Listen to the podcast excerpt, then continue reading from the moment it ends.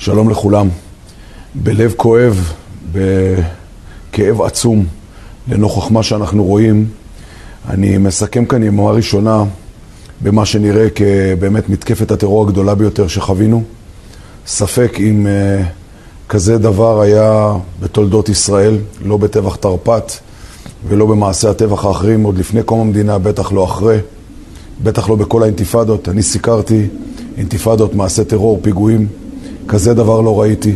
עם כל הטכנולוגיה ועם כל העיניים הפקוחות, הנה זה קורה. אז הנה סיכום של כמה נקודות, שאולי מכאן נוכל אה, לגזור ולהקיש מה עומד בפנינו. קודם כל מדובר במחדל קולוסלי של הצבא ושל המודיעין. צריך לומר את זה, אני אומר את זה בלב כבד. כיוון שאם אנחנו מסוגלים לעקוב אחרי רכב אחד בעזה כדי לחפש מבוקש, ולא מוכנים, יכולים לראות מאה כלי רכב של חמאסניקים שפורצים ב-15 נקודות בגדר ונכנסים ללא הפרעה, זה מחדל עצום.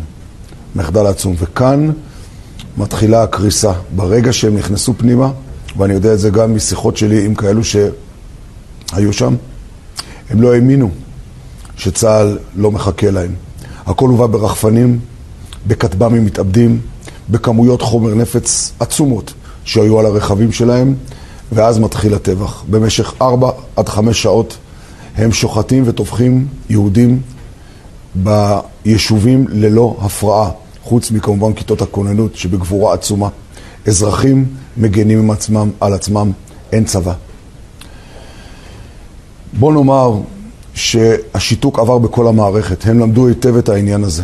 הם למדו את זה במשך שנה, הם התאמנו, הם אמרו שהם מתאמנים על זה. יש סרטונים, יש עדויות. הם לא האמינו שלא נחכה להם, ואכן כך קרה. זאת אומרת שמבחינתם הציפיות היו הרבה פחות מהתוצאות של מה שאנחנו רואים. אני לא מחפש אשמים. לא מחפש אשמים, אבל אני כן רוצה להצביע על כמה כשלים שהובילו לדבר הזה. למה לא רואים את הדבר הזה? כי קודם כל, על הצג של הצבא לא מופיעה מלחמה. אני זועק פה שנים. תפיסה מערבית אומרת settle down, יישוב סכסוך, אנחנו והם נשים פה איזה גבול, שקט תמורת שקט והכל יהיה בסדר. טעות, טעות, טעות. כל הזעקות שזעקתי במשך יותר מעשור, מאז עליית החמאס לרצוע, ברצועת עזה ב-2007, הם היו לשווא כנראה, כי אף אחד לא שמע את זה.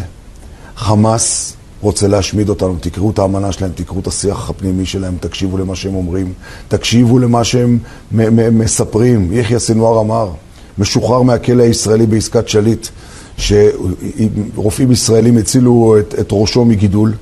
אנחנו נאכל לכם את הכבדים, כך הוא אמר, אחרי שישראל העניקה לו את החיים. הם מתכוונים לזה. מעשי הטבח שנעשו שם בילדים, בנשים, בזקנים, הם מזעזעים. שלא לדבר על תצוגות הראווה של השלל האנושי שמוסע ברצועת עזה בנוסף לכמויות כלי הנשק שהם גבו מהחטיבה ומהאוגדה. מזעזע. מה הכשל? חוסר ההבנה של הצבא ושל ההנהגה. ושוב, אני לא בא להאשים, כולם, כולם שותפים לתפיסה הזו. שהכל בסדר, שקט תמורת שקט, ניתן אישורים, פועלים, חמאס יש לו אינטרס, אין לו אינטרס, קשקוש. יחיא סנואר מוכן תמיד למלחמה. יחיא סנואר גם מעריך בשעות אלה שישראל לא תעשו כלום. אני מקווה מאוד שהוא לא צודק. זו הייתה הערכה שלהם, זו הייתה הערכה של נסראללה ב-2006, והוא גם צדק. לא שברנו את הכלים. מדינות דמוקרטיות לא מסוגלות להתמודד בכלים שלהם מול ארגוני טרור. נקודה. מזרח תיכון מפעיל עלינו שורה של הנהגות מקדמת דנא במזרח התיכון, פלישות, מעשי טבח, רצח, ואנחנו בכלים דמוקרטיים מנסים להתמודד עם זה. אנחנו טיפחנו את חמאס בשנת 82 עד 87. ישראל עזרה לחמאס להתארגן ולהתבצר כגוף שיבוא להתנגד לאש"ף. תקראו מסמכים.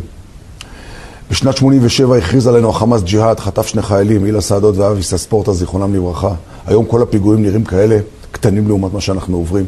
משפחת פוגל הזדעזענו, שנרצחו ונטבחו באיתמר. יש לנו פה פי מאה ממשפחת פוגל. אחרי שחמאס הבין שיש לו כוח, הוא יצא להתעמת מול ישראל, הוכרז הג'יהאד ב-87. ב-92 בג"ץ מורה לראש הממשלה רבין, זיכרונו לברכה דאז, להחזיר את כל מגורשי החמאס ממרג'ה זוהור בלבנון, והנהגת החמאס מקבלת את הבוסט הראשון שלה. הבוסט השני שהוא מקבלים את האומץ הגדול, זה עם פיגועי התאבדות, כאשר ערפאת משחרר להם את כל בתי הכלא משנת 2000, פיגועי התאבדות, יחיא עייש מקו 5 ועד קווי 18, חמאס הופך להיות סמי צבא, חצי צבא ברצועת עזה. הנסיגה הישראלית מרצועת עזה מביאה אותם להיות גוף שיגרש את הרשות הפלסטינית בשנת 2007 והתבסס ברצועה. מה שהם עשו לאנשי קיבוץ רעים והקיבוצים בעוטף, הם עשו לאנשי אבו מאזן, זרקו אותם מהגגות. חמאס הוא ארגון אכזרי שלא בוחל בשום דרך. חמאס שולט ברצועה ומשם ברוח חיזבאללה ואיראן בונה צבא. אנחנו בכל סבב מתחזקים אותו יותר ומגדילים את כוחו. מרתירים לו ברווחים שבין הסבבים להתעצם, לעשות תרגילים, להתאמן בטמינת ראש בחול. בתפיסה מערבית שאומרת, אה, ah, הם לא רוצים מלחמה, זה בסדר, יהיה להם כסף ויהיה בסדר. טעות. יש ג'יהאד שמופעל עלינו כבר יותר ממאה שנה ואנחנו לא קולטים את זה. וזה מה שקורה כרגע ברצועת עזה. אני אומר את הדברים הללו בתור אדם שחי בצד השני, בתור אדם שדובר ערבית וחי עם הערבים וחי במרחב הזה. ואני אומר לכם שגם זה יכול לקרות בכל מקום שבו לא מקבלים את הקיום שלנו, בין אם זה בשטחי יהודה ושומרון, בין אם זה בתוך ערביי ישראל, ברגע שהם יזהו את ההזדמנות. ומבחינתם על הצג יש הזדמנות. ההפגנות הראו להם חולשה, הצבא הראה להם חולשה, הסרבנים הראו להם חולשה. על הצג שלהם עלה נקודת משבר, נקודת ארכימדס קטנה שאפשר לתת מכה, יום כיפור, והם עשו את זה. ישבתי פעם עם קבוצת קצינים בקריה אחרי צוק איתן ושאלתי אותם אם הם יודעים מי זה יחיא סנוואר. לא, קראו עליו. ברגע שידעו מה זה האכזריות של יחיא סנוואר ששולח אלף מחבלי חמאס ויודע שאף אחד מהם לא יחזור בחיים כדי לרצוח כמה שיותר יהודים, אז תבינו מי זה יחיא סנוואר. העולם מבחינתי מתחלק לכאלה שמבינים את הערבים וכאלה שמפקירים חיים בתוקף מה שהם חושבים שמבינים את הערבים. תקשיבו למה שהם אומרים. תקשיבו, תקראו את הטקסטים של חמאס, את הספר הראשון שהוציא אחמד יאסין, את אמנת החמאס שיצא ב-88. תקראו ותבינו עם מי יש לנו עסק. וזה לא רק ברצועת עזה. זה כל תנועה אסלאמית, כל תנועת ג'יהאד אסלאמית שלא מקבלת אותנו ורוצה להרוג אותנו בשל היותנו יהודים. התפיסה של צה"ל קרסה טוטאלית, לא רק בגדר, אלא בכלל בכל המחדל הזה של עולים ומסוקים לאוויר, כל החוסר הבנה של מה קורה. למה? כי אתה לא משייך לאויב שלך שום הבנה שהוא אולי עושה ומשתמש בכלים לא שלך. אנחנו שומרים על כללי משחק, הם לא. אה, הם לא יעשו את זה, מה פתאום? גם בתרחישים הכי גדולים צה"ל חשב על נקודת פריצה בשתיים או שלוש נקודות בגדר, אתמול הם פרצו ב-15 נקודות, והראו לנו מה זה. כי אנחנו לא מעריכים, זה די מזכיר לי את מה שאסד עלה לשלטון, אמרו, אה, רוח בני יוצאות, רופא עיניים, מה הוא יעשה? אסד טבח 800 אלף בני אדם, ואם אסד היה מקבל את הגולן, הוא היה רק מתקדם לכיווננו. וברוך השם שזה לא קרה, ולא התעוררנו, המציאות העירה אותנו. וזה בדיוק מה שקורה כרגע. עכשיו לצבא שלנו. הצבא שלנו בתוקף אותה תפיסה מערבית של להשכין שלום ולדאוג רק להרגיע להפריד בין ישראלים לפלסטינים, לשמור את הסטטוס קוו, שכח מה זה לנצח. אין ערך ניצחון בצבא, אין ערך לחימה בצבא. יש ערך של תחזוק, הכלה, שמירה וטמינת ראש בחול. תופסים אותנו במכסיים למטה פעם אחר פעם בסוגיית גלעד שליט והגבול במצרים וכל הפיגועים וכל המוצבים. חמאס קיבל את ההבנה, אפשר. טרור הוא תוצאה של אפשור. אנחנו מאפשרים את זה באופן התייחסותנו המערבית הדמוקרטית לסוגיה של ארגוני טרור שהם לחלוטין לא דמוקרטיים, הם לגמרי לא מבינים איך אנחנו מתנהגים איתם. בסופו של דבר, אני רק אסיים שיש פה... ולסיכום, העדכונים פשוט לא מפסיקים להגיע, נאלצתי לחתוך את הסרטון. ולסיכום, אני אדבר קצת על מה שהמסר לשכונה. חיזבאללה כבר מתגרה בגבול. יש לנו כבר ניסיונות פיגוע. יש לנו פה הבנה, אני רואה את צהלות השמחה ברמאללה, במזרח ירושלים, בצפון, בלונדון. יש תחושה בעולם האסלאמי שהכריז עלינו מלחמת ג'יהאד, שהנה זה הרגע, ולכן הם מתעוררים, וצריך לפקוח עיניים.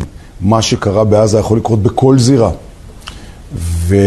וכל השאלה, האם הם בהבנה, שוב, זה לא, לקחו לנו את היוזמה בעניין הזה, זה לא כמו מלחמת יום כיפור שעוד היה דיון אם, אם כן נכון שיפרצו במלחמה או לא במלחמה, פה אפילו לא היה דיון, פה הייתה חוסר הבנה שהם הולכים לפרוץ עלינו במלחמה, לשחוט אותנו בידיים. והיה, מה שהיה הוא שיהיה, כמו שבכפר עזה בשנת 56 אמר משה דיין בהלווייתו של רועי רוטנברג, על חרבנו נחיה, זה לא קללה, זה, זה תמונת מצב ריאלית. זה המצב כרגע מול כל הזירות, ומאוד מאוד חשוב שישראל תגזור מההבנה של מה היה פה את מה שעומד לקרות. זה לא משנה, המה צריך להיות מובן, מובן לכולם, ואם הוא לא מובן, שוב אנחנו חוזרים למה שתיארתי פה בבעיה. בבעיה של חוסר ההבנה של מה השכונה מפעילה נגדך, והאם אתה במזרח או במערב.